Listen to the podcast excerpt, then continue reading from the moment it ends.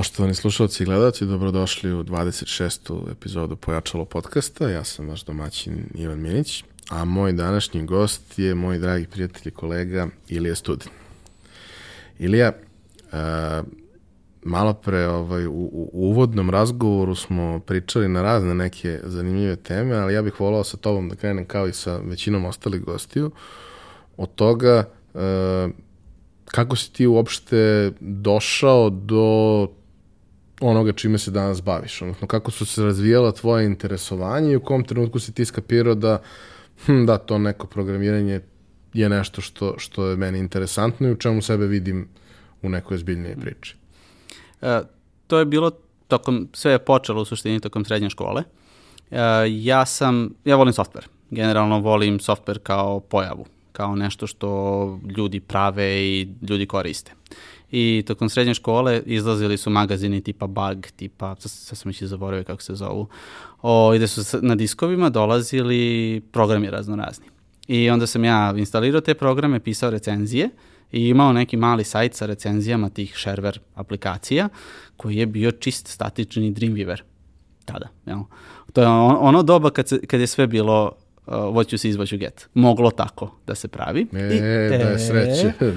e, tad, sad, sad kad pogledaš web development stack i porediš ga sa nečim, ono kada je upalim program i stavim sličicu i to radi. Znaš, sad ono, šta god da se sad već radi, da, da, da bi normalan frontend napravio. To su bili jednostavni dani, jel? I, a moje pravo programiranje prvo sa kojim se radi su, je bio Delphi.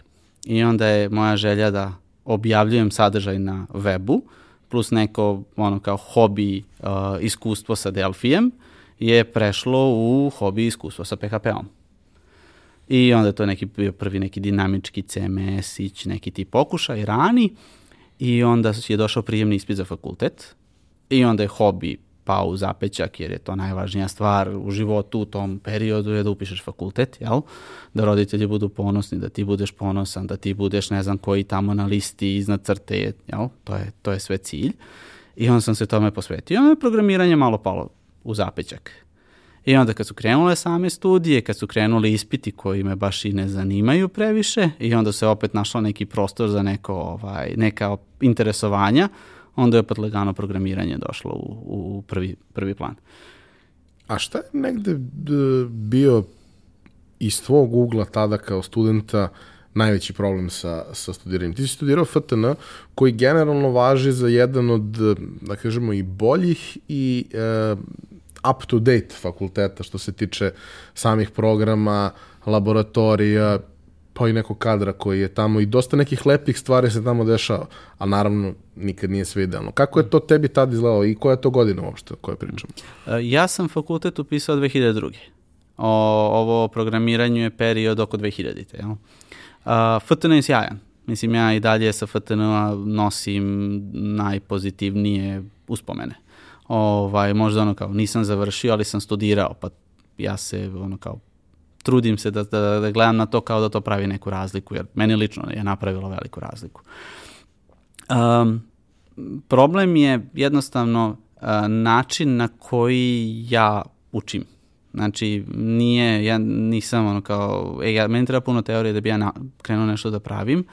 Ja uzmem to probam nešto da napravim i ako se interesovanje primi, ako se ono kao rasplamsa i ako mi jednostavno treba mi više ovaj, informacije, ja lagano uđem u dublje teorijsko znanje. Lagano, postepeno, svojim tempom, po nekim svojim pravilima. I ovaj, nije stvar u mojim pravilima, nego jednostavno tak, tako funkcioniše. Uh, postavka fakulteta u tim godinama, znači to je pre 17 godina bilo tako da ti imaš jako puno uvodnih predmeta, uh, e, i tek onda kreneš nešto konkretno da radiš kasnije. Jedina desetka koju ja imam je desetka iz programiranja. I to ja mislim da imam tri desetke, zato što sam još dvojicama kolega radio te radove na koji su oni dobili desetke. Ovaj, i, ali to je bio praktična stvar. Znači ja sam to, to je konkretna stvar koju sam uzeo da napravim. Matematika šestica, otpornost materijala, ne znam, par kolokvijuma su bile neke šestice, ne znam ni da li sam na kraju dao ceo ispit. Uh, dok smo mi došli do toga da ti sad kreneš nešto konkretno da praviš u mehatroničkoj laboratoriji, pošto sam ja robotiku studirao, ja do toga nisam i stigao. Desilo se to programiranje s početka, prvi neki projekti, prve neke pare i onda je to lagano skrenulo nisu se spremali ispiti, nije se izlazilo na ispite, uh, projekti su postali ozbiljniji i samo se zagasilo to sa, sa, sa, sa fakultetom. A kad kažeš da se pojavila neka prva ozbiljnija priča sa programiranjem koja je kao nosila i tu neku komercijalnu komponentu, da si ti sada, osim što je to neki tvoj hobi koji je ti je simpatičan i zanimate, ti imaš i neke prihode, na neki način si se osamostalio i tako dalje.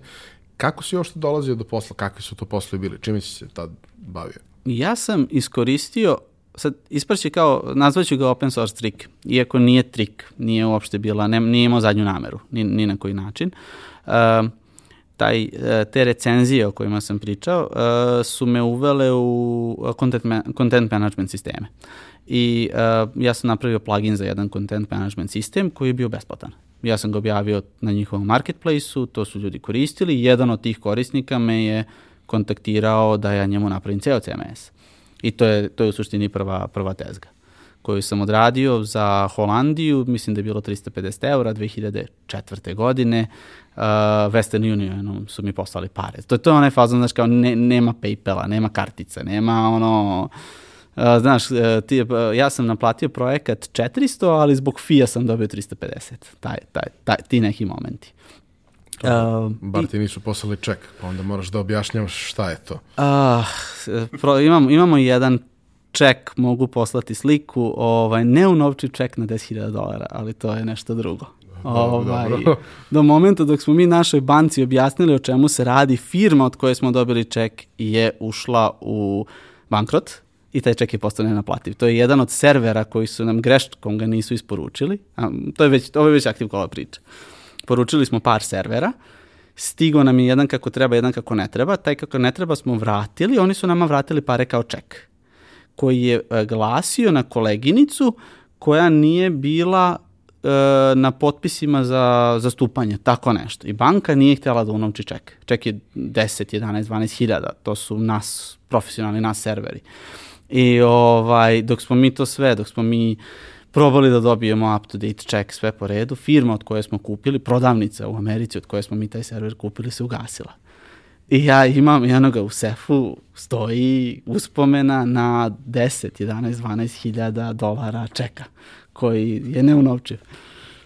Uh, kako od te neke onako prilično nevine i uh, klinačke priče uh, krećeš da radiš ozbiljnije stvari? Jer to je neki skok koji ne napravi baš previše ljudi. Mm -hmm. A, gde, gde ti vidiš da je to kao e, ključni moment u kome se napravi ta razlika i kako je to kod tebe izgledalo? Uh, prvi projekti na kojima smo, na kojima smo radili, sad je već množina, je uh, kombinacija uh, ja dizajner, prodam nešto uh, i uh, meni treba neki programer da mi to što sam ja izdizajnirao i prodao na, natera da radi, da ga oživi, jel? I ja sam sarađivao sa par, uh, svi su iz Beograda, sa par beogradskih dizajnera gde sam ja bio onaj, onaj kako se zove, u pozadini koji oživi uh, taj dizajn. I to su bile neke prve tezge uh, i prvi sajtovi.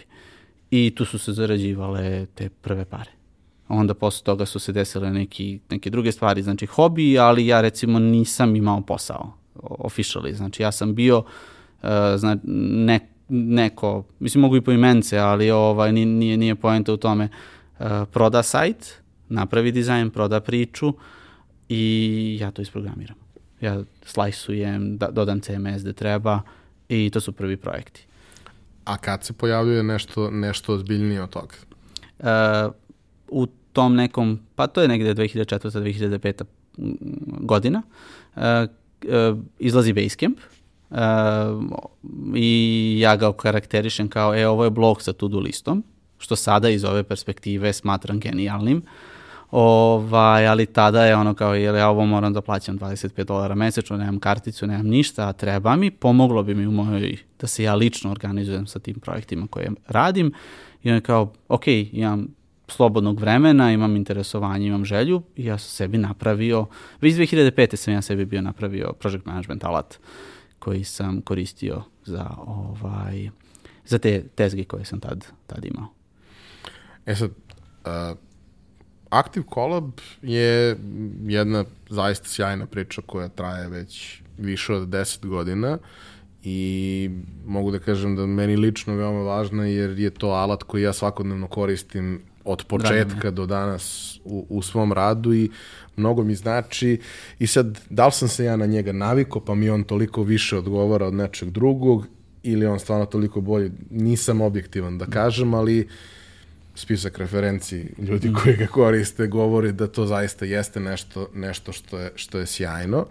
A, kako je došlo do, do Active Collaba uopšte, jer to je, ti si imao nekakve svoje alate, naravno, ali ovo je već jedna dosta ozbiljnija zaokružena priča, čak i u onoj prvoj fazi koja je, koja je bila vezana za, za Active Collab. A, pa osnovna ideja je da bila da a, nešto sa tim treba da se desi, e, u pitanju je kao kolaborativan alat je, znači nije lična to-do lista pa ćeš ti sad imati svoj softver koji ćeš samo ti da koristiš. Kao magija se dešava onog momenta kad pozoveš još nekog. I ovaj, ako ja imam potrebu za time, verovatno ima i neko drugi. Plus, kažem, moj, moj, neki moji prvi projekti javni su bili ovaj, open source. Ja generalno nisam imao problem da delim kod. I o, nerazumevanje, neznanje tada, znači to je 2006. godina, ovaj, nerazumevanje tržišta, nerazumevanje kako funkcioniše odnos investitor, vendor, šta god. Jednostavno ono kao programer u meni je uradio najprogramerskiju moguću programersku stvar, a to je da je pustio software kao open source. I ono kao svaki software teži da bude slobodan. Mm, I ono kao nazovi to, zato kažem open source trik koji nikad nije bio trik. Nije, nije bila poenta da bude trik. Na kraju se ispostavilo da je open source doveo do nekih jako dobrih stvari koje su se posle dešavale, ali nikad, ni, nikad ništa nije pušteno sa nekom krajnjom namerom. Jednostavno je pušten, ako je meni koristan, verovatno će biti nekom drugom koristan.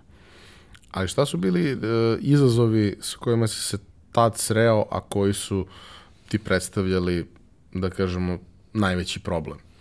Ja, siguran sam da ih je bilo. Kada se, kada se pojavio Active Collab, uh, on je napravio prilično lepu ovaj prilično lepu priču oko sebe. Jednostavno sve Zajednicu. se zakotrljalo, da. Ovaj desila se zajednica s jedne strane, sa druge strane su ga ukačili strani mediji pošto 37 Signals njihova, jednostavno njihov marketing je takav da polarizuje ljude. Kada polarizuješ ljude, to znači da ćeš imati neke pozitivno polarisane, neke negativno polarisane.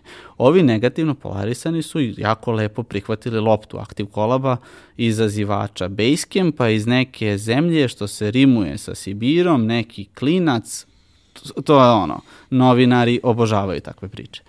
I to se lagano zakutrljalo, to se širilo i oko toga, a na stranu taj talas medijski, on kad je pao, ostao je community iza toga. Ostali su korisnici, ostali su bagovi, ostali su, ostale su njihove želje, ostale su njihove potrebe, ostala je potreba da se software razvija dalje. Sa druge strane, on nikad nije pravljen da zaradi pare. I nije ni zarađivo nikakve pare. Ovaj, a opet treba platiti račune, treba jednostavno živeti, to su neki mladički dani, imaš svoje neke potrebe koje želiš da imaš ono, džeparac.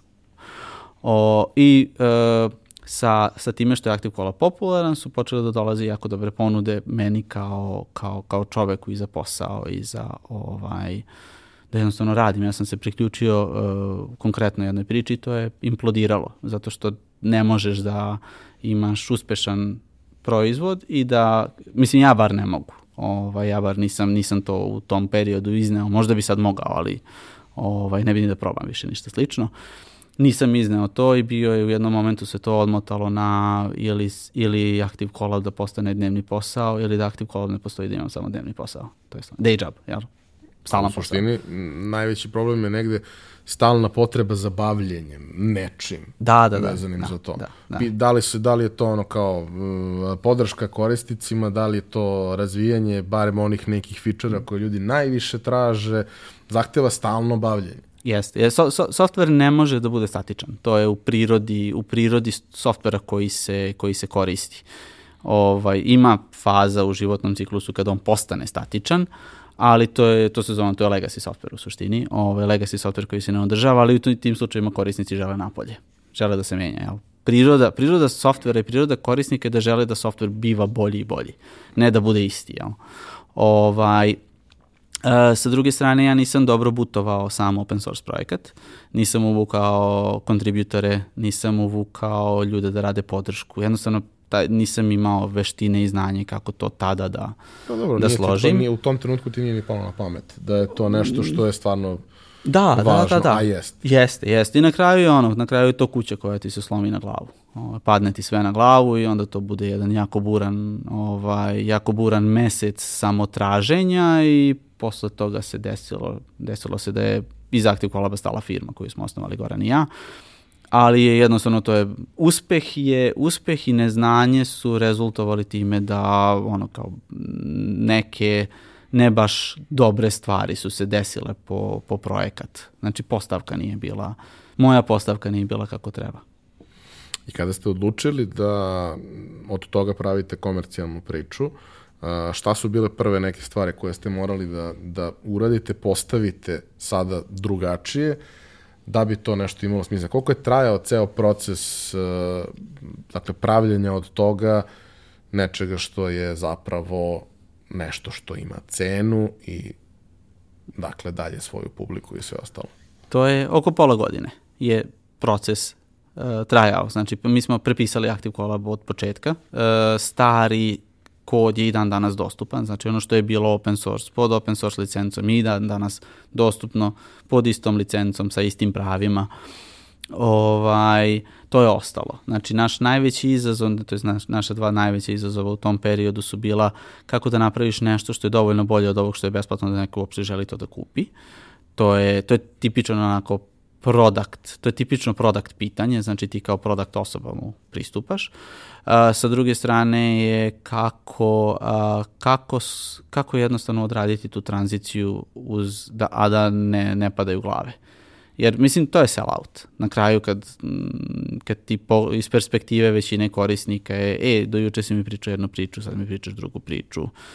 Ceo taj, te, ceo taj uh, management očekivanjima, to, to su jednostavno najveći izazovi bili u tom, tom periodu.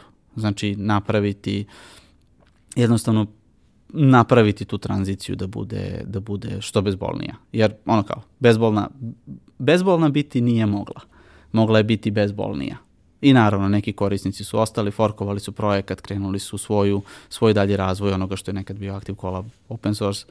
O, ovaj, imamo dva forka, sad ja ne znam u kom su stanju sada, tad su se pojavila dva forka na osnovu open source ovaj, uh, koda, a Active Collab je krenuo kao, kao, komercijalna, kao komercijalni proizvod gde za licencu dobiješ podršku, dobiješ pristup novim verzijama, dobiješ lokalizaciju, module, svašta nešto smo mi tu uradili dobro u toj prvoj verziji, što recimo nije bilo dostupno staroj. I kako je izgledao trenutak kad ste vi to završili, pustili, šta se dešavalo? Um, imali smo zanimljiv uh, moment, a to je da imali smo red ljudi koji su želeli da kupe to. Znači, mislim, bio je toliko bolji od starog da jednostavno to je jedna, jedna stvar, znači bio je puno bolji od starog. Sa druge strane, nisu svi ljudi koristili stari samo zato što je bio besplatan, nego su ga koristili zato što im odgovara, rešava im konkretan problem. I sad, kombinacija te dve stvari je napravila da smo mi otplatili šest meseci razvoja u prva četiri dana prodaje. Znači, što je ono, ne, nemojmo koristiti Active Collab kao primer bilo čega, zato što je jednostavno se, verovatnoća da se tako nešto ponovi je jako, jako mala. Jednostavno, to se niz faktora se spojio u to da smo mi, kažem, tog prvog meseca smo mi imali 80.000 dolara prodaju. Znači, mislim, ko sad lansira proizvod sa 80.000 dolara prodaje u prvom mesecu? Iz Srbije. SAS. Mislim, nije bio SAS, ali software kao web software. Znači, tako nešto replicirati, jednostavno uslovi su bili takvi da se to, Dobro, i to tada na tržištu i ono, kao broj igrača koji tu postoje i koji su ono, sada popunili tu nišu do, do, do neizdrživosti, dok tad realno Mislim... Da, na, kap, na kapteri, znači softwareskom direktorijumu u našoj kategoriji ima 450 alata u project managementu, 450 direktnih konkurenata. Ovaj, tako da da, definitivno ne može da se poredi danas i onda, nego samo ne želim da, ka, ne želim da se stekne utisak da je to bilo smisleno, da je to bilo jednostavno jako puno faktora je uticalo da se to desi na taj, da, na taj konkretan način. I ovaj, ono što je to nama reklo, znači ti sad imaš direktnu povratnu informaciju od tržište koja kaže, e, ti imaš nešto dobro ovde, korisnici nisu bili sa tobom samo zato što si besplatan, korisnici nisu bili sa tobom samo zato što si izazivač, korisnici nisu bili samo sa... I to vreme koje su korisnici bili sa tobom su uh, dovoljno uh, stekli poverenje u tebe da žele da nastave budu, da budu sa tobom, čak i uz ovu tranziciju. I znaš, kad su tako postavljene stvari, onda znaš da imaš ok priču. I mi smo to onda dalje, dalje razvijali kao, kao kompanija koja ima podršku, koja ima stalan razvoj, gde izlaze nove verzije, gde izlaze unapređenja, gde ti pitaš i dobiješ odgovor, gde taj odgovor ne dolazi od robota, gde taj odgovor nije napadan, nije ono kao samo da te otresem, nego je sa druge strane je stvarno stalo nekome do, do, do, do, do tvog korisničkog iskustva i do svoje ono, korisničke potrebe zadovoljene. Zapravo ta tranzicija uh, od, od nečega što je besplatno ka nečemu što se plaća je vrlo redko u punoj meri uspešna za proizvode. E sad, ti imaš, uh, odnosno, vi imate tu sreću da ste se opredelili za nešto što je ljudima preko potreban alat za posao kojim se bave. To nije nekakav commodity, to nije nešto što uh, je nice to have, pa imaš ili nemaš, nema veze, nego je nešto što ljudima omogućava da posao rade bolje, efikasnije, brže, mm. a da uh, je vaš proizvod donosio neke specifičnosti koje ni, nijedan drugi ozbiljan proizvod u tom trenutku nije imao. Šta su bile, šta je bila glavna razlika uh, zašto bi se ljudi opredeljivali za vas, osim činjenice da, im, da ih možda ovi nerviraju? Ali šta je ono što ste vi donosili što je bilo ono kao unique selling proposition? Mm, jedna, uh, uh, ono što je definitivno bilo specifično za nas, što je jako malo uh, drugih alata imalo, a niko od direktnih konkurenata je bila mogućnost da ti to se, uh, hostuješ.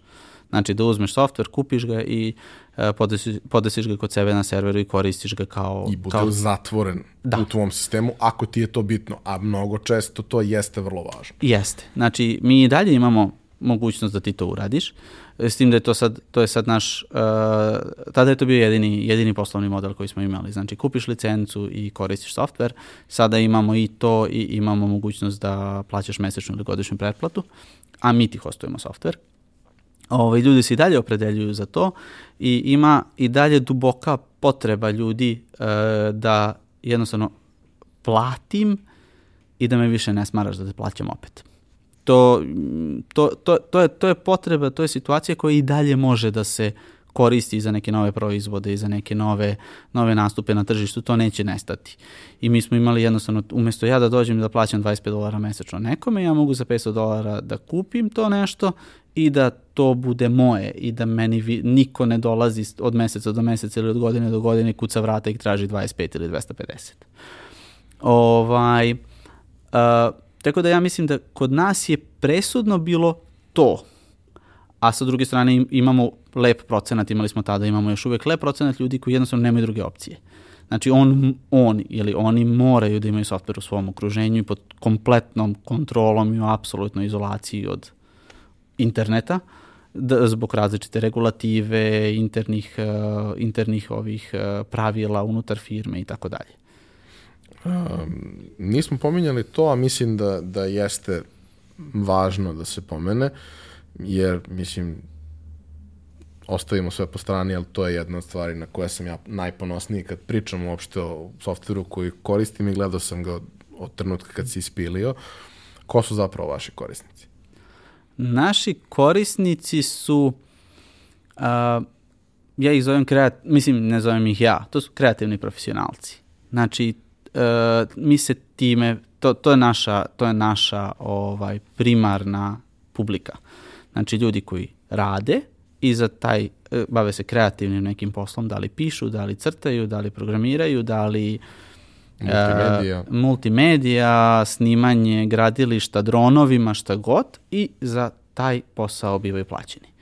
Znači, to je, a, to je, naša, to je naša primarna publika, a, s tim da a, nismo na nivou to-do aplikacije koja je lična, kao što rekoh, magija se dešava kad pozoveš još nekog.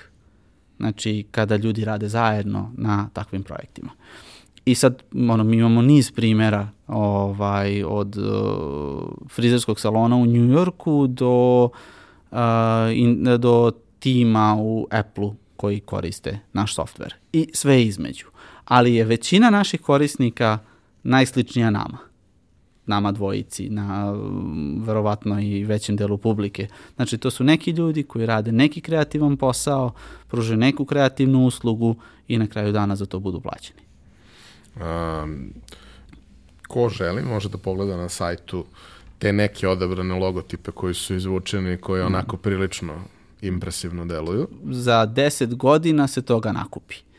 I ima, i tu opet ima, ima, ima jedan trik koji mogu da ispričam. A, znači, kad smo probali da dobijamo dozvole od pojedinačnih kompanija, da stavimo njihov logo na sajt, mi smo probali da kontaktiramo tada 50 kompanija, zvanični dopis koji stvarno nama dozvoljava da stavimo logo na sajt, smo dobili samo od EI dobija.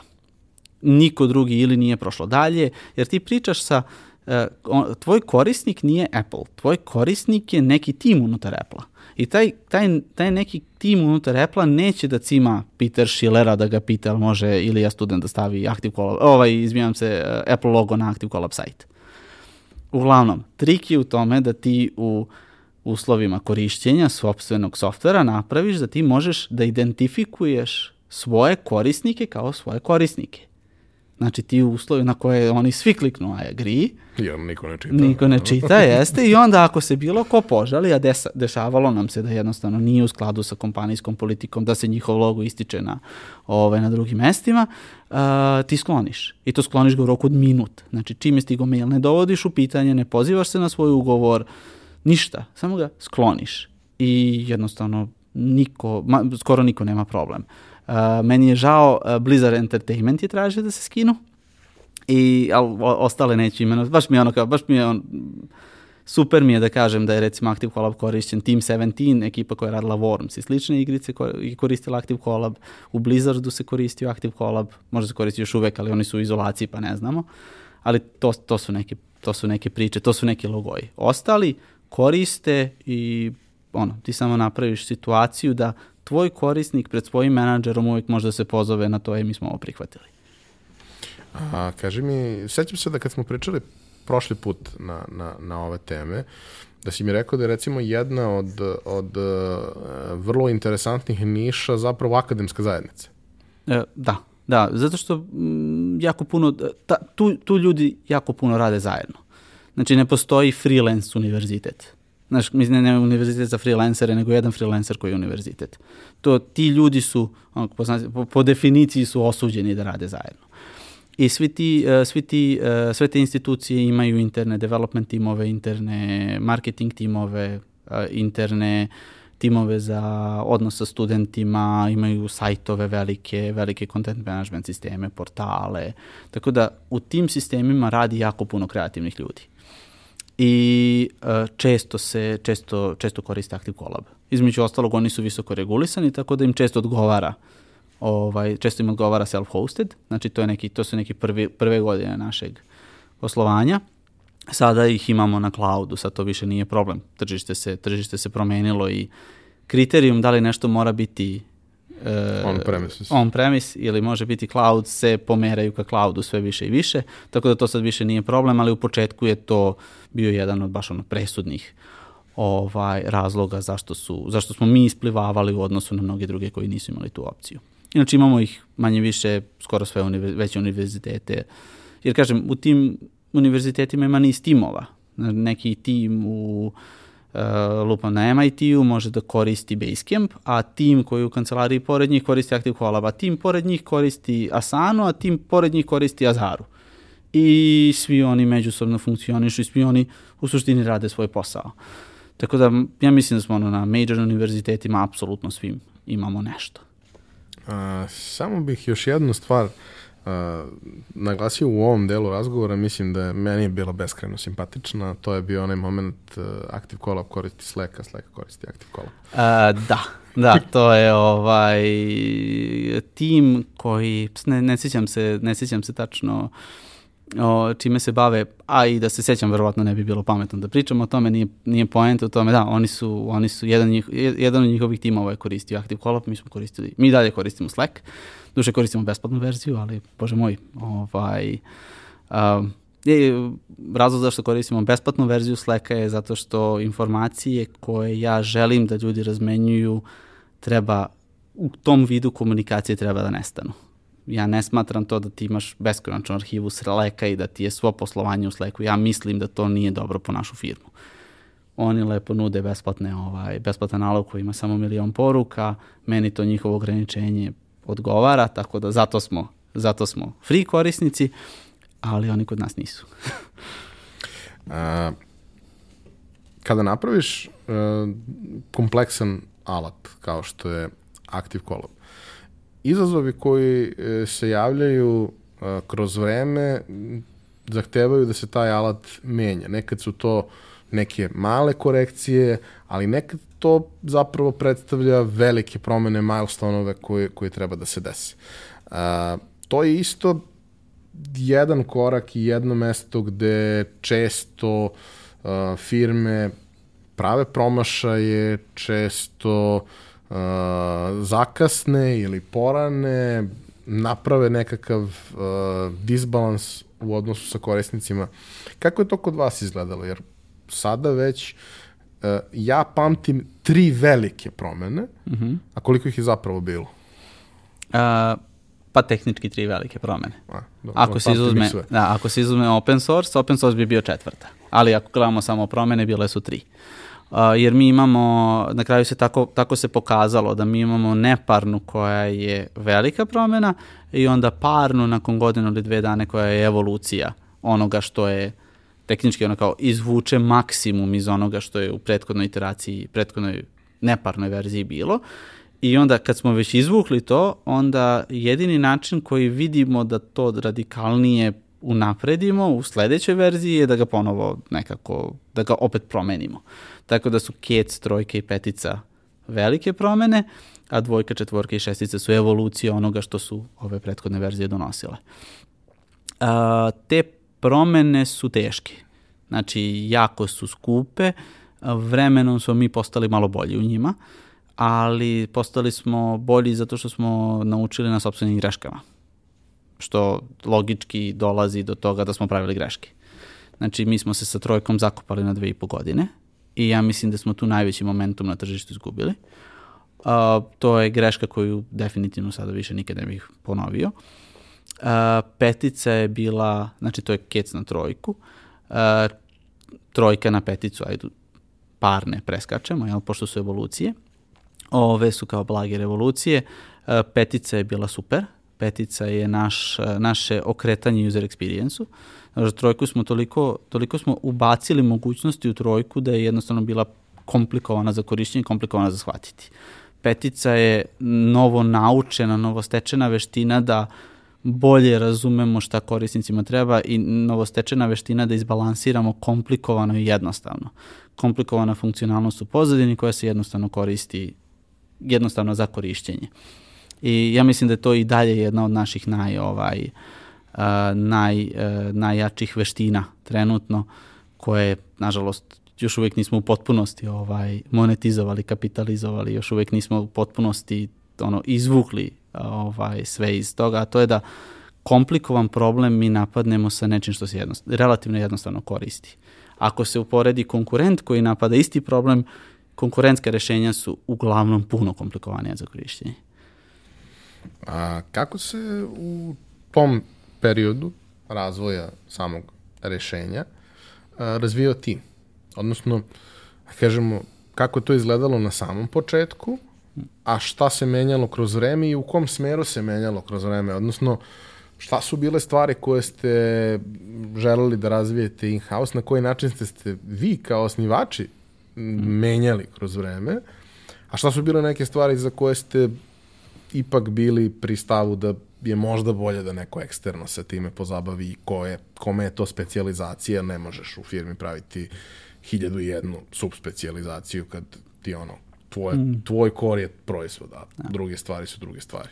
O, verovatno ću se kroz razgovor ovaj, po, vratiti ovome više puta, ali recimo a, osoba koja je ponajviše uticala na moj pristup softveru je Joel Spolsky. Uh, Jovan Software, sada Stack Overflow, Trello, znači to, je, to su njegovi ovaj, to su njegovi najveći pro, projekti. Uh, on kaže never, never outsource your core competence. Nemoj da outsourcuješ svoju ovaj, ključnu veštinu, ono što je tvoja najjača stvar. I svaki put kad smo probali to da uradimo, recimo, to nije ispadalo kako treba. Da li zato što smo u te projekte ulazili sa pola srca ili zato što jednostavno ne umemo da, nismo umeli u momentima da upravljamo tako outsourcovanim projektima, ali svaki put kad smo neki development probali da bacimo negde drugde, um, nismo bili presrećni. Rezultat na stranu, ali recimo taj rezultat se nije primao da postane sastavni deo firme na duže godine, na, na duži vremenski period. Odbacivali smo rezultate tog rada, e, mobilne aplikacije, neke ekstenzije i tako neka čuda što smo, što smo tako pravili. Sa druge strane imamo pozitivno iskustvo recimo sa Teams Kingdom, ekipom, oni su nam pomogli oko redizajna sadašnjeg sajta i oko i brandinga. Logo je radio jedan vrhunski američki logo dizajner, nije to smo outsourcovali. Znači, nismo, nismo, u to, nismo e, da ne outsourcujemo, samo što svaki put kada outsourcujemo development mi napravimo glupost. I onda je sad, da li zbog tih ožiljaka nećemo nove ožiljke ili ćemo ponoviti grešku ili ćemo ponoviti pa biti uspešno, to tek treba da, tek treba da vidimo.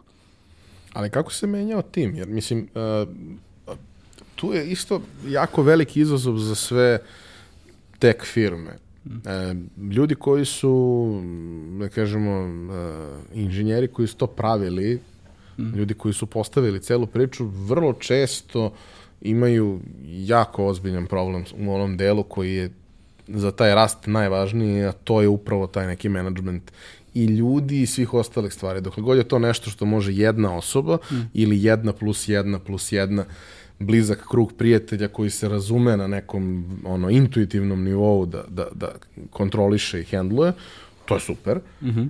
A šta se dešava kad, znaš, treba, treba još neko da uđe u tu priču i sa njim se ne razumeš na nivou, pogledaš, a on zna šta si, šta si mislio.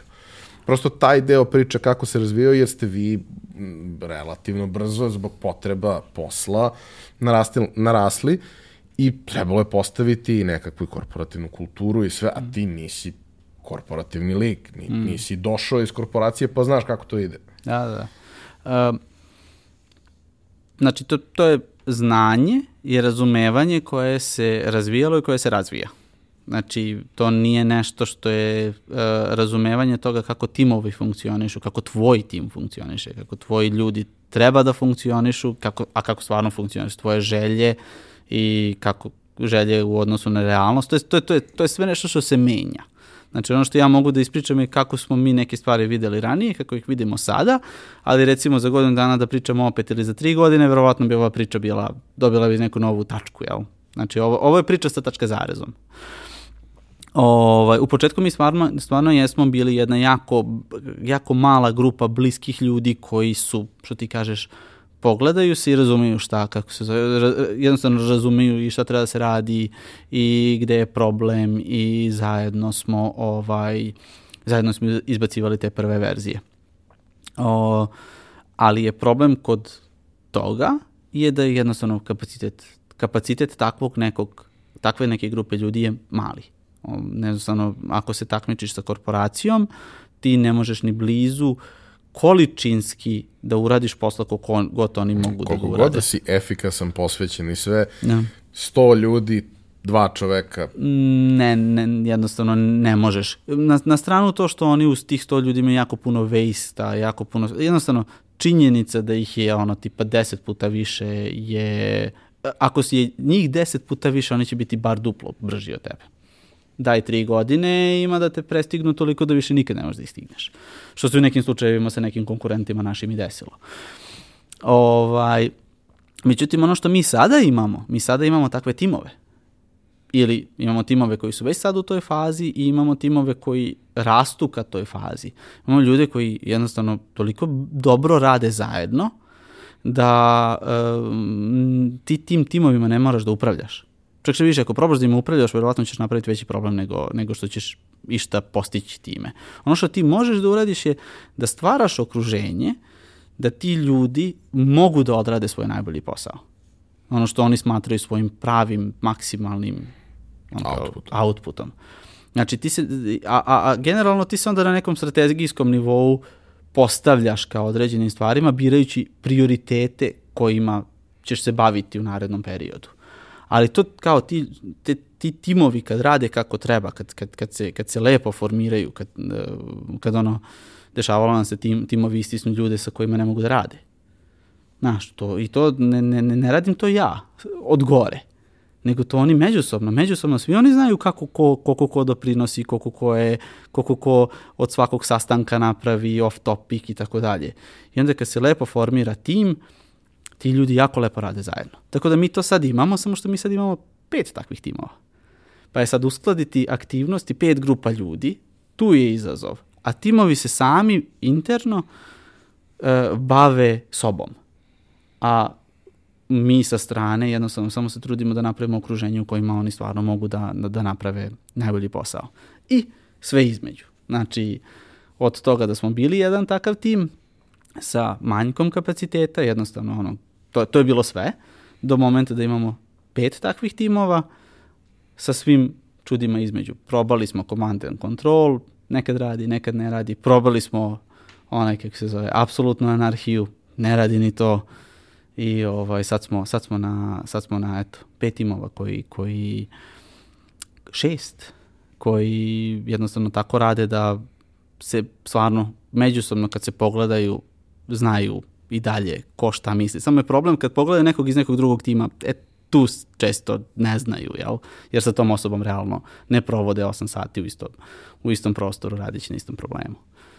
Uh, jedna od najvažnijih stvari kad postoji uh, proizvod kao što je vaš je marketiranje samog proizvoda. E sad, uh, vi jeste imali taj neki uh, momentum koji je bio od ranije sa tom promenom koja je bila značajna, ali kao niste bili nepoznato nešto što se tek pojavilo, nego nešto što ima neku predistoriju, ali ste sa druge strane borite, borili ste se i borite se i dalje sa firmama koje su neuporedivo veće, sa neuporedivo većim budžetima, kako neko ko je, kažemo i dalje, relativno mali, kompaktan, vas ima koliko sad?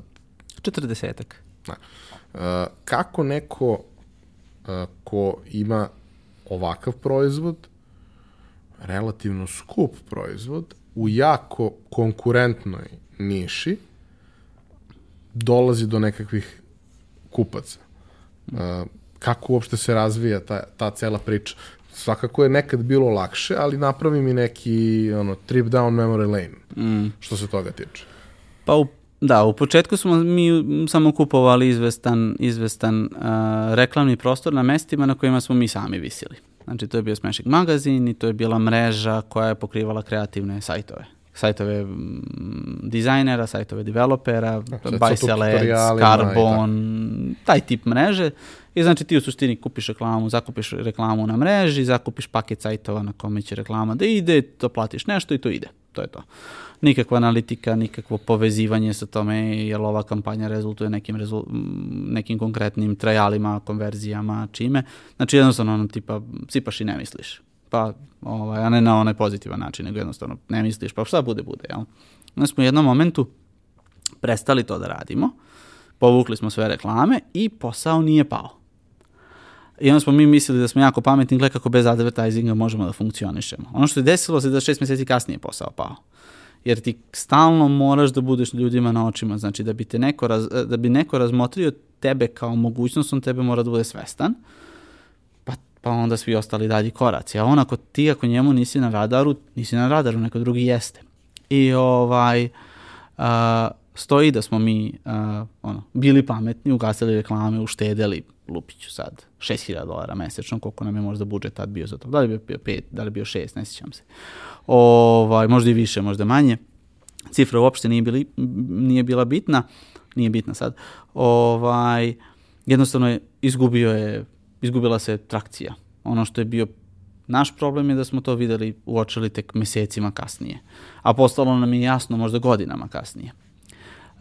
U jednom momentu formiramo marketing tim i primarna naša aktivnost je bila content marketing. Opet ono kao naš naivan, na, naš naivan pristup da ej, aj kao fokusiramo se na jednu konkretnu stvar što je nama poznata, pa će verovatno nešto napraviti. O kom vremenu pričam? Govorimo o nekoj 2012. 13. godine. Ovaj, tek kada smo, tek kada smo počeli da sarađujemo sa Bojanom, koji je došao iz nekog poslovnijeg sveta, smo mi počeli ozbiljnije da se bavimo, ovaj, da, se, da, da, mogu, da, da možemo da kažemo da se, e, mi se sad ozbiljnije bavimo marketingom. Znači, kao, ovo je smislenija aktivnost. Prva stvar koju smo radili je da smo sa saradnju sa dom, Novosadskom SEO agencijom 4Dots usisali smo SEO na sajtu jednostavno mi, i time smo se bavili mesecima, da se to lepo usisa, da se ključne reči naglase, da se popuni sajt sadržajem koji je relevantan za naše mušterije i tako dalje. Jer je to bio nagomilani dug, ono, nastao zane, zanemarivanjem te aktivnosti, dugogodišnjim zanemarivanjem toga. Onda smo ušli u PPC pametnije, pa smo našli neke ljude koji su jako dobri sa Google AdWordsom, sa, sa optimizacijom acquisition kanala, sa, sa takvim stvarima I na sve to još radimo outreach, radimo content, ali to sve sa relativno malim budžetom i relativno malim timom još uvek. Jer je ovaj, jako je, a, konkurencija je užasno jaka u tom pogledu. Znači, oni imaju sulude budžete, imaju jako velike timove i ono, jednostavno ne možeš protiv njih. Ja baš, baš juče sam poredio, napravio sam poređenje, on ima buldožer zvani milion dolara mesečno, koje troši na akviziciju korisnika. Ovaj, to čisto da, da, da koliko pa, cost of customer acquisition je tro, naš marketinški trošak da neko postane customer, da neko postane mušterija. Uh, I to je zbirno. Znači ja da bi priv, privukao možda 100 mušterija, moram da potrošim 5000 dolara. Što, I onda je to... 500 je cac. 50. Uh, šta sam rekao? 100 mušterija, 5000 dolara. 50 da, je 50. Da, što je ono, to, to nema, to ne postoji u našoj branši. Naši je tipa ono, naši naj, najbolji koji su onako kao baš sve, svu drenovinu iscedili su ono tipa 300. O, ovaj, tako da tehnički ajde idemo. Za 10, da, da bi ja kroz plaćene kanale dobio 10 mušterija, ja treba da potrošim 3000 dolara. Ovaj, gde recimo u slučaju jednog konkurenta, čiji konkretan budžet nam je ne, ne, ne znam kako poznat, da li su se hvalili na blogu, šta su radili, uglavnom znamo cifru, milion, a cac im je hiljadu. Tako da oni potroše milion dolara da bi dobili hiljadu plaćenih mušterija. S tim da ja nema sile da imam hiljadu plaćenih mušterija ovaj mesec. Bez, bez, da, bez da uletim u, u takvu igru. I onda jednostavno kad se takmičiš sa njima, ja to zovem buldožerom, znači on ide kroz zid, on ne, ne, ne zateže rupe u budžetima, ne, ce, ne cedi drenovinu. Poliva. On poliva i oni samo i samo, a mi moramo da jurimo rupe kroz te zidove, da bismo sa puno skromnim budžetima uzeli one stvari koje njima ili promiču ili kako se zove ne stižu da se bave time u tom svom ludilu i ovaj i tu se nađe. Mislim, mi imamo, na, na, mi, naš uh, broj korisnika raste, tako da mi radimo neke stvari kako treba, samo što radimo sa osetno manjim budžetima i koristeći drugačiju strategiju. Mi tražimo kuda možemo da se provučemo. Ne, radite pametni. U suštini da. Da, to je, to je, i to opet ima, to opet ima, ima granicu do koje je, do koje daje željeni efekat ovaj, i raditi pametnije u jednom momentu jednostavno moraš da kažeš ok, sad dosta sam bio pametan, sad treba da slomim milion dolara i ne znam šta da uradim sa ovaj. A kaži mi, uh, u uh, početku je, odnosno jedno duže vreme, je to bio softverski paket koji kupuješ, instaliraš. U nekom trenutku ste pored toga ponudili opciju koja je ono što danas zovemo software as a service. A, ta tranzicija, odnosno ne tranzicija, nego taj dodatak celoj priči, um, onako, nije da fundamentalno menja organizaciju, ali dodaje dosta neke kompleksnosti uh, u, u, u samu organizaciju, dosta nekog dodatnog i kadra i znanja mm. i svega.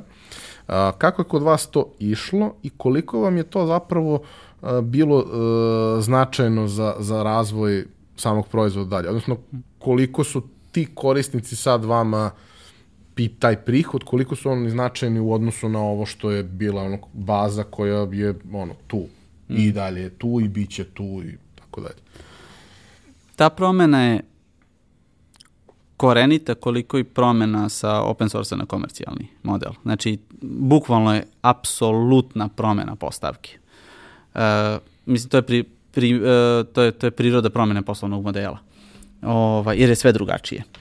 Ono što mi nismo recimo videli kod evo, primer gde, gde recimo e, nismo sa licencama mi nismo videli kad neko prestaje da koristi softver.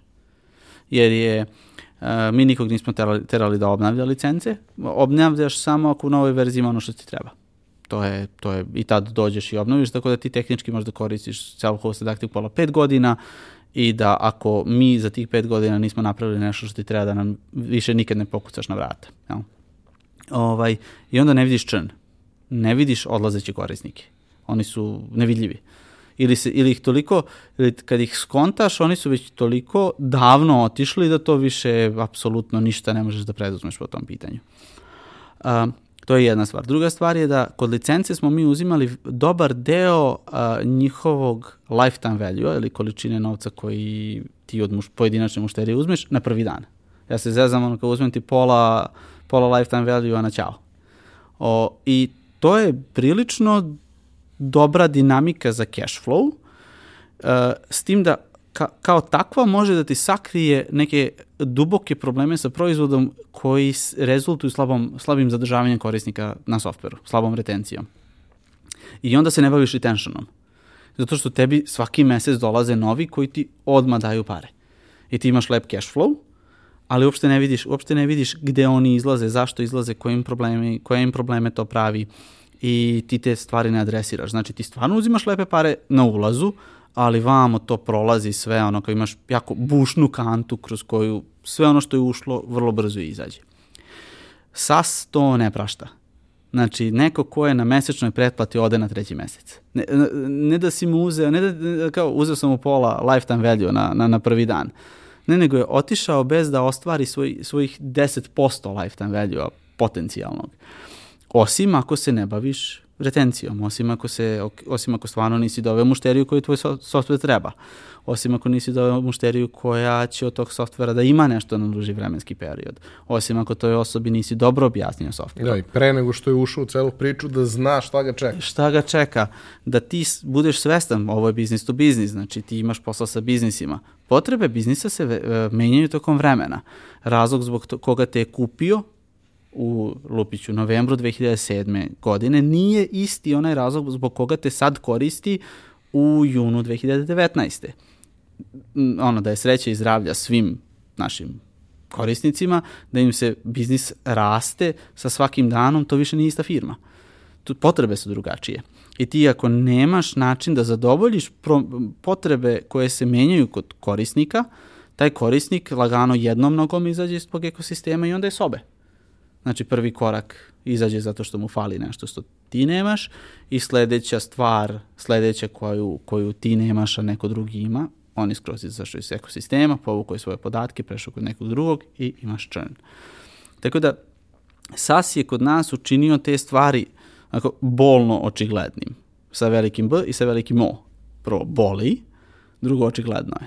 Ali lepota kod tih bolno očiglednih momenta je što napokon imaš sa čime da radiš jer jednostavno problem je vid, vidljivije i neke stvari, znači tvoje direktne akcije sada mogu da uzrokuju pozitivnim promenama u, u ovaj pozitivnim problem, promenama u u tom konkretnom problemu. Možeš stvarno neke stvari, aha, vidim da imaju problema sa onboardingom, malo se pozabavim time i sad već za mesec, dva dana vidim da ljudi imaju manje problema sa onboardingom. Sad imamo neki drugi problem, ali sa, sa time da se bavimo. I ovaj, sad čini sve to transparentnim i jednostavno feedback loop, e, brzina kojom ti dobijaš informaciju o tome, ej, ja ovo uradim, to radi posao, ne radi posao je puno kraće. Uh, jedna od tema koje su povremeno u našem podcastu uh, vrlo značajne kada, kada pričamo sa, sa ljudima je to da um, postoji uh, na tom putu jedna stvar koja se zove neki kao lični razvoj mhm. -huh. i bavljenje sobom jer postoji potreba po, posao očekuje od tebe da budeš bolji. Mhm. -huh. Da bi on bio bolji, ti moraš da budeš bolji. A, meni je jako drago što na tom putu si ti dosta stvari e, na koje si naletao zapravo delio sa ljudima i to je bio trigger u raznim nekim situacijama i meni da nešto pročitam, a kapiram da i tebi neko drugi možda negde bio trigger. A, šta su stvari sa kojima si se sretao, a za koje misliš da su ti donale najviše uh, su promena načina na koji razmišljaš, shvatanje važnosti nekih stvari. Kao, kako si se ti razvijao kao čovek koji treba da jeste osnovao taj biznis, ali treba i da ga vodi, treba da postavi tu celu priču. Šta je to što si, što si radio? Mm. Čitam puno ali, o, ali recimo u zadnje vreme e, pravilo za 2019. je da ne čitam ni jednu, e, nikakvu literaturu vezanu za razvoj proizvoda, nikakvu literaturu vezanu za menadžment, nikakvu literaturu vezanu za poslovanje. Znači, to, to sad me svodi na neku ono, vojnu literaturu, na neku istoriju, na neke matematike, statistike, neka čudesa, neke ono teorije, verovatnoće i svašta nešto. Ovaj, ali uh, poenta je da jednostavno um, građenje što većeg konteksta, šire slike o tome šta se dešava i zato mi je to, kažem, izlazak iz softvera mi baš mi prija zato što mi daje nove perspektive na ono čime se bavim. Uh, vojna komanda vs, recimo, organizacija, uh, načini kako teku informacije između ljudi, kako ljudi donose odluke u situaciji. Kad imaš realno pet minuta da doneseš odluku i ako je ne doneseš kako treba, nekom, neko će biti povređen. Uh, to su re, vatrogasci imaju te ovaj baš bave se bave se tim stvarima jer ono kao brzina odlučivanja timskog jer ako zeznu stvarno ili oni ginu ili neko neko neko njima ovaj neko iz njihovog okruženja bude povređen. I onda kako se to recimo preliva u naše donošenje odluka, koliko si ti svestan svog okruženja, poslovnog i tako dalje. Um, ali mislim da su ono kao naj, naj, najkvalitetnije ideje u zadnjih par godina koje su, me, koje su mi najviše promenili način razmišljanja su to da nemoj da probaš, nemoj da se trudiš da namećeš svoje rešenje drugima. To može da uradi par ljudi ali te ljude ne tretiraj kao pravilo, znači nemoj da se, ne, ne, nemoj da ti uzor budu Steve Jobs i Bill Gates, zato što su oni statistički, statistička verovatnoća da ti imaš takav uticaj na svet je jako mala. Ovaj, super je ako jesi jedan od te grupe ljudi, ali ono kao matematika, verovatnoća je protiv tebe da je, stvarno jesi takav. Umesto toga, slušaj drugu osobu. Slušaj korisnika. Nemoj da probaš da namećeš svoje rešenje, nemoj da probaš da ubeđuješ ljude, slušaj i bu, jednostavno budi, budi, budi onaj koji sluša, koji razume uh, potrebu korisnika i gledaj kako na najbolji način da zadovoljiš tu potrebu. To je recimo gde smo se mi okrenuli sada u zadnje vreme. Nama se sve svodi na to, uh, e, uh, da li korisniku ovo treba, Uh, ajde uvuci korisnika što pre u priču, pokaži mu neki rane mokape, vidi jel ovo ima smisla, nema smisla, umesto da razvijamo nešto i onda to jednostavno samo tako izbacimo i onda se nadamo da će, da će se to ljudima svideti. To je jedna strana. Druga, druga stvar koja mi je dosta promenila u zadnje vreme je to da ovaj, ja lično uh, puštam ljude da, ja se, ja se trudim da ne upravljam ljudima znači, apsolutno svesna odluka da ja ne budem menadžer, nego samo da budem onaj e, ko, samo da pravim okruženje u kojima kvalitetni ljudi mogu da rade kvalitetan posao. I da usmeravamo stvari na tako da jednostavno cijela firma ima smer, ali konkretne odluke kako će nešto biti napravljeno ne, ne delegira se od gore na dole, nego jednostavno pametni ljudi odlučuju kako će da prave softver. Baviš se strategijom, a ne taktikom? Uh, da, da. Ima, ima, ima, ima i taktike, ima tu ovaj, i generalno kad imaju veće grupe ljudi, ti te grupe ljudi, ti treba da možeš da im objasniš zašto nešto radimo. Ali ono što ti objašnjavaš je svoj naum, uh, ne, govoriš im kako, ne govoriš im kako to da rade, govoriš nego im zašto. govoriš zašto. I onda se s jedne strane nadaš, a sa druge strane ono, ako su, ako to ne dobijaš od njih zašto si ih uopšte dobio i zašto si uopšte tu, da jednostavno će se usmeriti ka nekom ovaj tom zajedničkom naumu. Opet postaviš mušteriju kao glavnu, kao glavni orijentir i ljudi nemaju problem da prave nešto za ljude da to koriste. To je ono što je to je ono što je ovaj što je ključno. Uh, jer sad recimo uvodimo, ja trudim se da uvedemo recimo programere uh, na uh, sastanke na kojima se priča sa mušterijama gde najlepša stvar koja može da se desi je da mušterija upali screen share. I da programer vidi koliko mušteriju neke interakcije bole. I onda lepo svi mi pocrvenimo, zatvorimo laptop, odemo i popravimo tu interakciju. I to je jedna interakcija puta 15.000 aktivnih korisnika svaki dan manje. I onda sledeći intervju, jer kao, ljudi stvarno žele da urade dobar posao. Ono što ljudi često programeri, e, dizajneri često ne vide e, je kako rezultat njihovog rada utiče na, na korisnika. E, priča mi, priča mi kolega, oni su radili za radili su dizajn za neki od najvećih, jedan od najvećih evropskih aerodroma. I tebi je super da ti praviš dizajn za to, ali ti nikad nećeš vidjeti kako to neko koristi. A, apsolutno. I onda kao, jednostavno osetiš se, u jednom momentu to postane onako kao disconnect. Nisi, nisi povezan sa rezultatom svojeg rada. Ako s druge strane napraviš okruženje gde ljudi mogu da se poveže, povežu sa korisnicima i da vide direktan rezultat svog rada, ja mislim da onda stvarno ne moraš puno da menadžuješ. Onda stvarno možeš da taktizira. To možeš više da budeš strateški, da gledaš, da gledaš šta je to oko tebe, šta to konkurencija radi, koje su to, koje su to nove susedne stvari oko tvog proizvoda u kojima, koje su nove susedne potrebe koje možda zadovoljiš. A, da gledaš sa, evo recimo, juče sa acquisition timom smo prošli kako, kako se kotiramo u različitim kategorijama business to business softvera, pošto Active Cola pokriva malo širi skup od project managementa, uh, gde nam je nizak cost of customer acquisition i iako tu nismo naročito jaki, imamo lepe rezultate. Skromne, ali brojevi obećavaju. I onda lepo dođeš aha, ok, mi ćemo se malo na to fokusirati pa da probamo te brojeve, da, da vidimo da tu malo podignemo. Jednostavno, kao, onda gledaš više kao mapu gde si, a manje se brineš oko toga, e, um, oni treba da napišu taj kontroler koji radi tu neku stvar i dodaje to neko polje u bazu i to nešto. Ovaj, to, taj tip posla pustiš ljudima koji su stručnjaci za to, a ti se onda malo povučeš i baviš nekim drugim stvarima.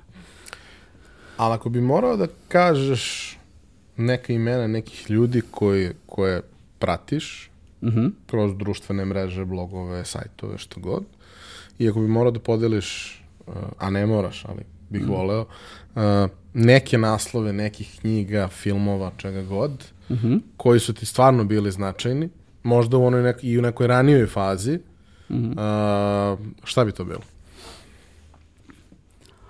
Uh, jedna od knjiga koja je ona ostavila naj, onako dosta uh, dubok trag, to je Toyota Way.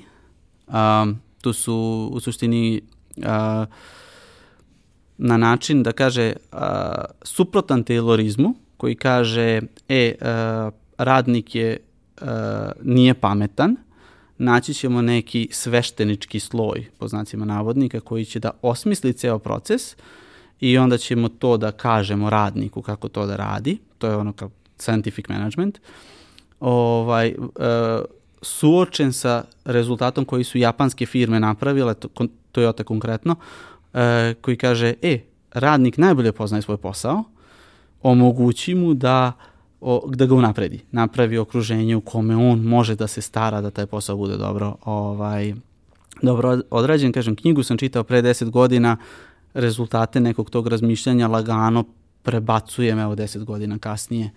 Uh, najsvežije što mi onako dosta, dosta, ovaj, dosta jak utisak uh, ostavlja je uh, Nasim Nikola Staleb. Uh, sa njim sam krenuo kroz Antifragile, ali on ima, ima više knjiga.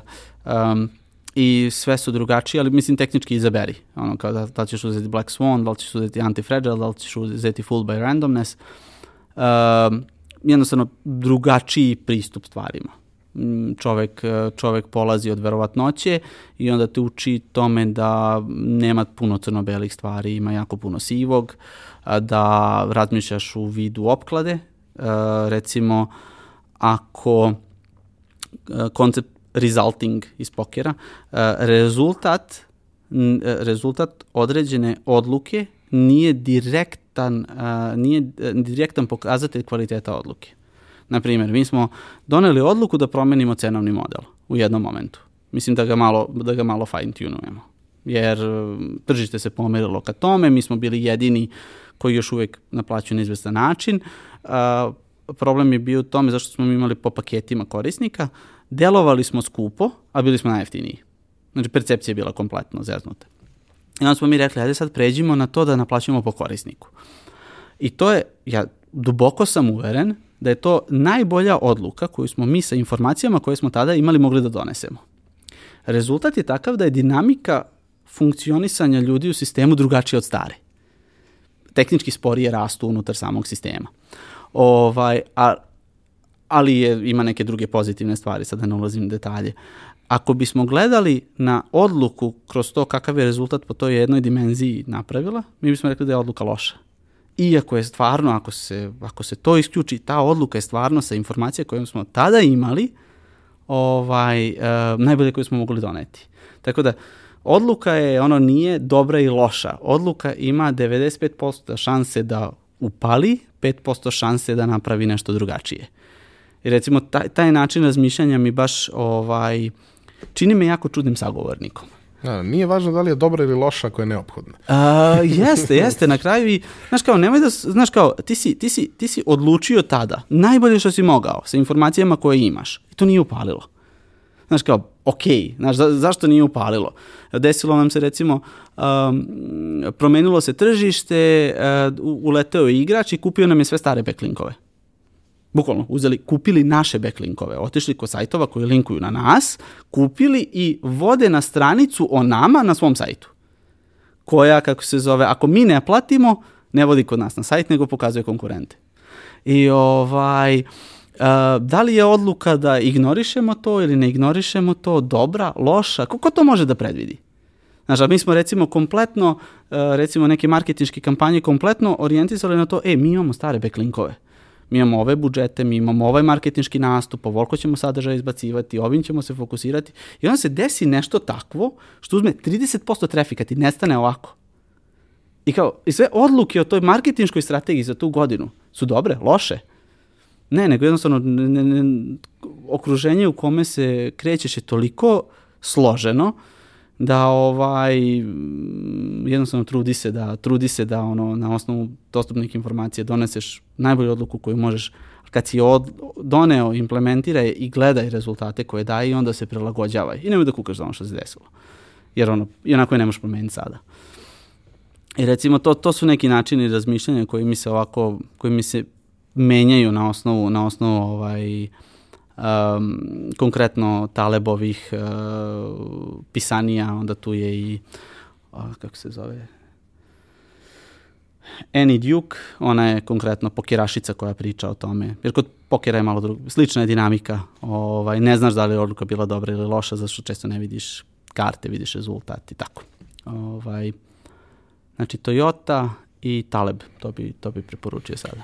A ono, neki blog, neko interesantan na Twitteru, neko interesantan na da. nekom kanalu? Uh, blogove sam uh, prestao da, da pratim, uglavnom, uglavnom ja se, baš sam tweetnuo pre neki dan kao da sam pročitao više knjiga nego što sam pročitao cijelih blog postova, što je malo čudno. Ovaj, um, nekako je blogosfera je nekako izgubila je ovaj, jako, jako je teško naći, jako je teško naći kvalitet. A, dobre stvari, a, ako, vas, ako nekog zanima proizvod, razvoj proizvoda, a, dobre stvari radi rade Jeff Patton, dobre stvari radi John Cutler, um, dobre stvari, ako mi je tu baš jako, da bi ga, Ron Jeffries, znači Ron Jeffries je baš ono kao programer, programer, kako da, kako da, kako da dobro praviš software, kako da dobro radiš, kako da dobro praviš dobar software. A, um, John Cutler je o proizvodima, znači kako da to što napraviš naiđe na uh, potrebu, i kako da napravi neku, kako da napravi neku razliku. O, njegov rezon je kao nemoj da se trudiš da praviš softver brže, trudi se da praviš softver koji treba.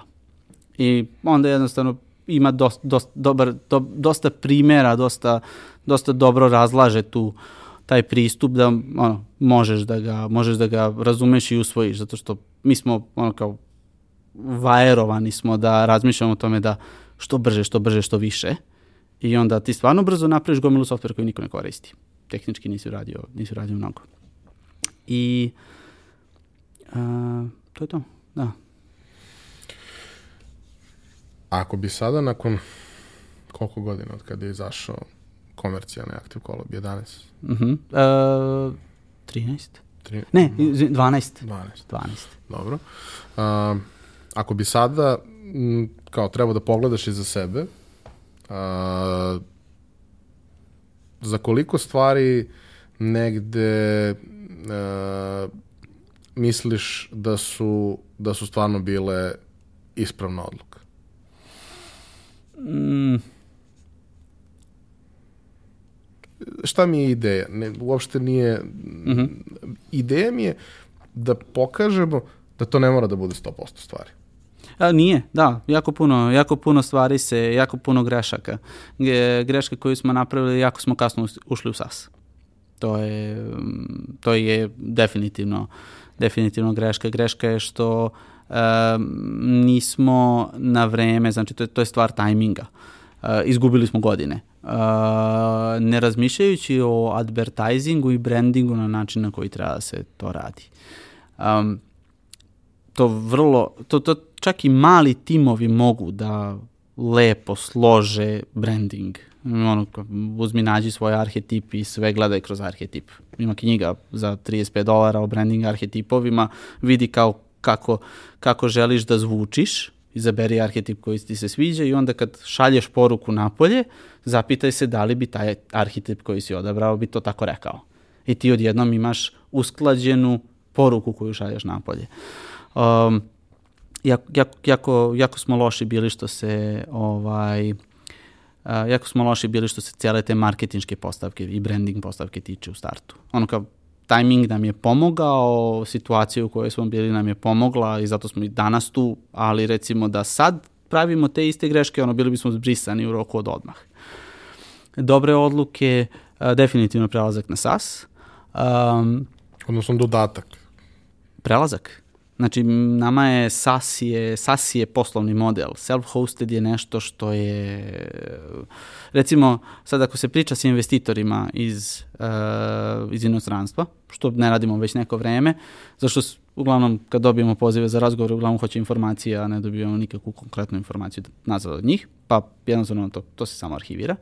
Ali, kad smo pričali sa njima, uh, smat, uh, recimo, uh, svi su u fazonu da je self-hosted liability ni, ne, ne, ne, smatraju ga, ne smatraju ga kao investitori, kao neko ko treba da da svoj novac i da postane deo tvoje priče ili da preuzme cijelu tvoju priču, smatraju self-hosted i on-premise software kao velike liability. Samo ih SAS zanima.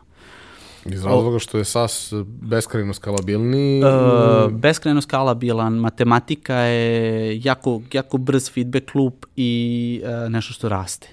SAS raste, on-premise pada. Može se u ovom premisu, o, može se sa ovom premis softverom napraviti pare. Mogu se lepo živeti. Može se lepo živeti, to je, to je super i zato je recimo nešto što preporučujem, mm, što bi možda čak u nekim situacijama i preporučuju ljudima koji ulaze u softver. Znači idi na možda ovom premisi na mali broj klijenata kojima ćeš uzeti više, više novca u startu, da, da jednostavno opstaneš. Jer dok ti zaletiš, zaletiš SAS, uh, ti si već ono tipa tri puta iz, izletao iz igre. Znaš kao ono, ok, napravio si neki CRM, lupam, prodaj ga, pet mušterija nađi i prodaj ga za N hiljada eura. Znaš, a vamo ima i SAS gde ga prodaješ za 25 mesečno. Znaš, i tih te pare koje si dobio od prodaje on-premise rešenja iskoristi kao kiseonik da jednostavno doživiš da taj SAS dođe do toga da može da plati jednu platu. Nama je trebalo, recimo, duši mi smo krenuli kao malo veći, nama je trebalo tri godine da na postojeći proizvod nad, nadgradimo, na, na, nagradimo SAS, nadgradimo SAS tako da može da isplati plate ljudi koji su tad u, u firmi. Tri cele godine. Ovaj, da nas tad baš nije, nije bilo nešto stravično puno, nas je bilo desetak. Ovaj, I ono kao SAS ima tu neku, ima jako te troši jako, jako puno moraš unapred da investiraš da bi, da bi, da bi se zaleteo. Puno pomalo. Puno pomalo, puno pomalo. I... A ako bi trebao da gledaš u budućnost, uh, vi ste ostali orijentisani na vaš core proizvod i mm -hmm. kroz vreme ste ga na neki način uh, i ha, ne bih rekao pojednostavljivali, ali razumeš šta hoću da kažem. Ja. Fokusirali više na ono što on treba da bude. Mm. Šta su naredni koraci? Ne oni koji ne treba da se kažu, ali šta su neka razmišljenja, šta je nešto što, što ima smisla?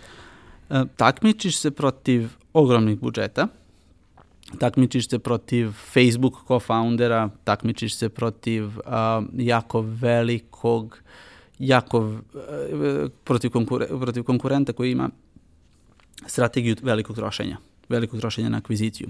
I ti jednostavno ne možeš da igraš, ako ne igraš tu igru, ne možeš da igraš protiv njih. Uh, igraju drugu igru. Ovaj, I uh, ono što je, recimo, meni sad uh, fokus, ono na, na, na, o čemu najviše razmišljam je kako da nađem, znači, kako da imam, ja imam zicere, bukvalno imamo, imamo zicer mogućnosti koje možemo da radimo, imamo zicer potrebe koje treba da zadovoljimo. I na zicere ćemo da uložimo 60-80% naših resursa. Meni je bukvalno ono, ono sa čega ne skidam ovaj, pogled je gde su te sitne stvari kojih ću da napadnem 10 u narednih godinu dana, od kojih će svaka da napravi malu razliku, a neke će možda čak i da budu veliki hitovi da uđemo u neke možda ono, ja ih zovem komšijske ove probleme uh, koji su onako lepo se nastavljaju na, na, na project management, ali nisu project management, kao neki novi mogući vektori ulaska korisnika, kao, kao neki novi revenue streamovi. I ovaj, ja mislim da je naša strategija generalno više na integracioni, ovaj, više kao integraciona umesto da kupiš Asanu za M para, kupiš ne znam koji alat za ne znam koji tip reportinga, dashboardinga, čega već za M para, kupiš Help Scout za M para, kupiš ne znam šta, da ti možeš da dođeš kod nas i da dobiješ jedno integrisano, fokusirano, izbalansirano rešenje, kao, kao što rekao, vraćam se na ono kao mi umemo komplikovano da napravimo da ne deluje komplikovano. To, to, tu veštinu smo razvili. Ovaj, I da jednostavno ti dođeš i umesto pet puta po M para za sva ta rešenja, ti dobiješ jedno za osetno manje novca, ali kako se zove, onako kao zapakovano lepo. Dobro, Ilija. Hvala ti što si bio. Hvala na pozivu. Slušalci i gledalci, kao i da sad hvala vam na pažnji. Molim vas da svoje komentare, predloge, ideje pošaljete putem društvenih mreža, da nam se javite preko sajta ne bismo li ovaj, iz iteracije u iteraciju bili sve bolji. Hvala ti još jedno.